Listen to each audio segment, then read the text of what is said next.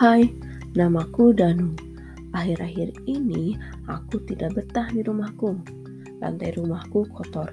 Langit-langit di rumahku banyak sarang laba-labanya. Dan jendela juga barang-barang di rumahku banyak yang berdebu. Sering aku melihat piring kotor yang tidak langsung dicuci.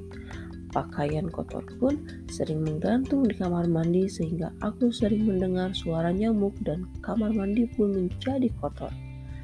Aku juga sering merasa pengap saat berada di rumah karena jendela sering tertutup dan ventilasinya pun sudah lama ditutup.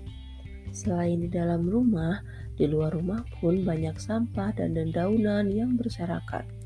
Dan ada juga kaleng yang berisi genangan air menjadi sarang nyamuk. Memang, ayahku, ibuku, aku, dan kakakku sudah lama tidak membersihkan rumah. Apa saja yang harus kami lakukan?